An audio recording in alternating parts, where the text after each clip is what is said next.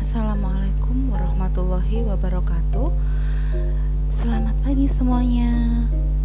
Jangan lupa selalu setor tugas TikToknya ya, sesering mungkin dan sesekreatif mungkin. Yang udah masuk ke saya, semuanya rata-rata udah bagus-bagus, udah kreatif-kreatif dan lucu-lucu. Nah, kenapa saya ngasih kalian tugas TikTok? Karena sekarang ini teknologi internet, teknologi medsos itu sangat berkembang karena untuk memudahkan kalian. Kenapa saya bilang gitu? Karena e, di materi nanti yang terakhir itu adalah tentang produksi video. Jadi yang namanya produksi video itu bisa apa aja. Salah satunya adalah TikTok yang paling mudah dan paling gampang karena kamu di situ bisa pakai filter, bisa mengatur waktu, bisa berekspresi dengan background yang udah disiapkan oleh aplikasinya ya. Teknologi internet itu menghubungkan komputer nggak hanya sebagai sarana komunikasi tapi juga memudahkan manusia. Salah satunya adalah kelas maya atau virtual class. Sebenarnya kelas maya itu sudah kita jalani selama ini semenjak yang namanya pandemi corona membuat kita harus selalu stay at home. Kamu tidak boleh sekolah, saya pun tidak boleh bekerja di sekolah. Jadi uh, pembelajaran pun pada akhirnya pindah ke metode kelas maya atau virtual class. Kelas maya atau virtual class adalah lingkungan belajar yang diadakan tanpa tatap muka secara langsung antara pengajar dan siswa. Di situ, dalam kelas maya, pengajar menyiapkan bahan ajar dalam konten bentuk digital yang bisa diakses, disimpan, dibagikan melalui internet kapan saja dan di mana saja. Kelas Maya menyiapkan fasilitas kepada pengajar untuk mengunggah bahan ajar sehingga bisa diunduh langsung oleh siswa yang tergabung di dalam kelas tersebut. Sama halnya dengan saya ketika mengupload uh, tugas di classroom. Itu kamu bisa mengakseskan ketika saya memberikan materi pun kamu juga bisa mengakses. Nah, Uh, perbedaan kelas maya dengan kelas biasa terletak pada keterbatasan komunikasi. Kelas maya tidak terjadi tatap muka secara langsung. Ya, kalau buat saya kekurangannya adalah saya tidak bisa bertemu langsung dengan kalian. Saya tidak bisa memahami kalian ini sudah paham atau belum. Bahkan kalian juga nggak bisa protes ke saya kalau uh, mungkin kalian, Bu, ngomongnya kecepatan, Bu, tulisannya nggak jelas. Kalian nggak bisa protes kayak gitu kan. Nah uh, ini salah satu keterbatasannya. Apalagi kalau sudah berhubungan dengan jaringan internet dan lain sebagainya. Ke kebanyakan kalian bu saya nggak bisa ngerjakan ini karena kuota saya kuota chat bukan kuota belajar. Nah padahal sekarang ini di, di pemerintahan pun sudah disiapkan dana untuk kalian mendapatkan kuota belajar. Dan dalam prakteknya, kelas maya dibagi dalam beberapa jenis. Yang pertama adalah LMS atau Learning Management System yang merupakan perangkat lunak yang digunakan untuk perencanaan, pengiriman, serta pengolahan kegiatan pembelajaran. Selain itu berguna untuk keperluan dokumentasi, laporan kegiatan, administrasi dan materi. Semua belajar semua berjalan menggunakan internet atau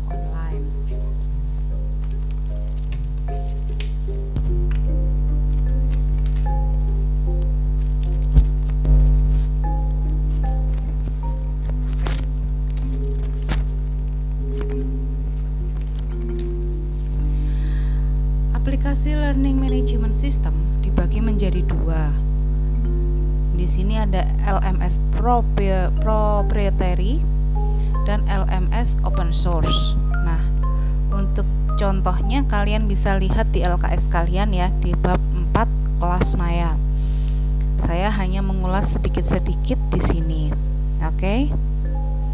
nah learn yang kedua adalah learning content management system atau LCM LCMS LCMS bekerja untuk membuat memperbaharui mempublikasi atau mengolah isi dari suatu sistem yang terorganisasi di internet. LCMS merupakan pengembangan lebih lanjut dari LMS. LCMS juga digunakan untuk mengawasi, menyediakan, memperinci, dan melakukan publikasi dokumen yang spesifik, misalnya artikel, panduan, dan brosur perjalanan. Kemudian Social Learning Network atau SLN merupakan perkembangan lebih lanjut setelah LMS dan LJS, LJMS digunakan untuk pembelajaran yang lebih luas daripada kelompok belajar karena menggunakan jejaring modi, uh, jejaring sosial. Contoh aplikasinya adalah Edmodo. Ya. tujuan dari virtual class ini dibentuk sebagai berikut ya. Yang pertama, supaya kita bisa belajar kapan aja dan di mana aja dan menghemat waktu dan biaya. Yang kedua, meningkatkan keterampilan penggunaan teknologi bagi siswa dan guru. Kemudian yang ketiga, lebih memaksimalkan kemampuan pribadi walaupun di luar kelas tatap muka atau kelas langsung ya. Berikut ini beberapa manfaat kelas maya. Materinya bisa lebih luas dan beragam. Biasanya kalau kamu sering ikut kelas saya, saya sering menggunakan PowerPoint, kemudian video, ya. Nah, sekarang ini yang terbaru saya mencoba menggunakan podcast supaya kalian lebih mudah dalam memahami apa yang saya ajarkan ya. Kemudian pembelajaran disesuaikan berdasarkan kebutuhan siswa. Yang ketiga, mempersingkat waktu tanpa perlu pergi ke kelas. Mengurangi belajar bergantung pada buku teks dan lebih relevan dengan dunia luar. Banyak sekali ya contohnya e, manfaatnya. Salah satunya bisa menghemat kertas, terus habis itu uh, fleksibel belajar di mana aja bisa berinteraksi bisa berkolaborasi ya. Nah uh, virtual class ini memiliki fitur-fitur yang menarik yang memudahkan untuk pembelajaran. Misalkan dengan virtual class ini kita bisa mengaitkan konten. Seperti sekarang ini saya mengaitkan konten TikTok untuk pembelajaran kita ya. Kemudian eh, pembelajaran pun secara langsung dengan instruktur ya secara individu. Bahkan kalian juga bisa otodidak gitu loh. Jadi uh, bisa lebih berkreasi gitu loh kalau dengan kelas maya ya nggak sih siswa juga lebih santai tempatnya. Kadang-kadang kan kalian bisa uh, apa namanya belajar di dalam kamar masih tiduran masih pakai baju tidur yang kadang-kadang kan belum mandi dan lain sebagainya ya kan sih? Jadi kalian lebih bisa lebih santai lebihnya belajarnya itu tidak harus tidak akhirnya tidak berada duduk di meja tegang serius di dalam kelas tapi kalian bisa sambil santai-santai sambil rebahan sambil pakai celana pendek, pakai kaos, belum mandi, tapi kalian sudah bisa ngerjakan tugas, bisa me menyimak materi dan lain sebagainya, ya. Nah, e, sebenarnya banyak sih kekurangan dan kelebihan dari kelas maya ini, ya nggak sih? E, seperti yang sekarang ini kita alami, baik kekurangannya utamanya adalah koneksi internet dan jaringan internet. Kalau kalian nggak punya jaringan internet yang bagus, kemudian kuotanya juga kurang, otomatis akan mempengaruhi pembelajaran. kelebihannya bisa fleksibel bisa uh, apa namanya di mana aja dan kapan aja ya oke okay guys setelah mendengarkan podcast dari saya ini uh, saya minta kamu tetap me-upload video di TikTok. Kalian boleh menceritakan suka duka kalian pada saat pembelajaran secara daring yang sudah berlangsung hampir satu tahun ini ya.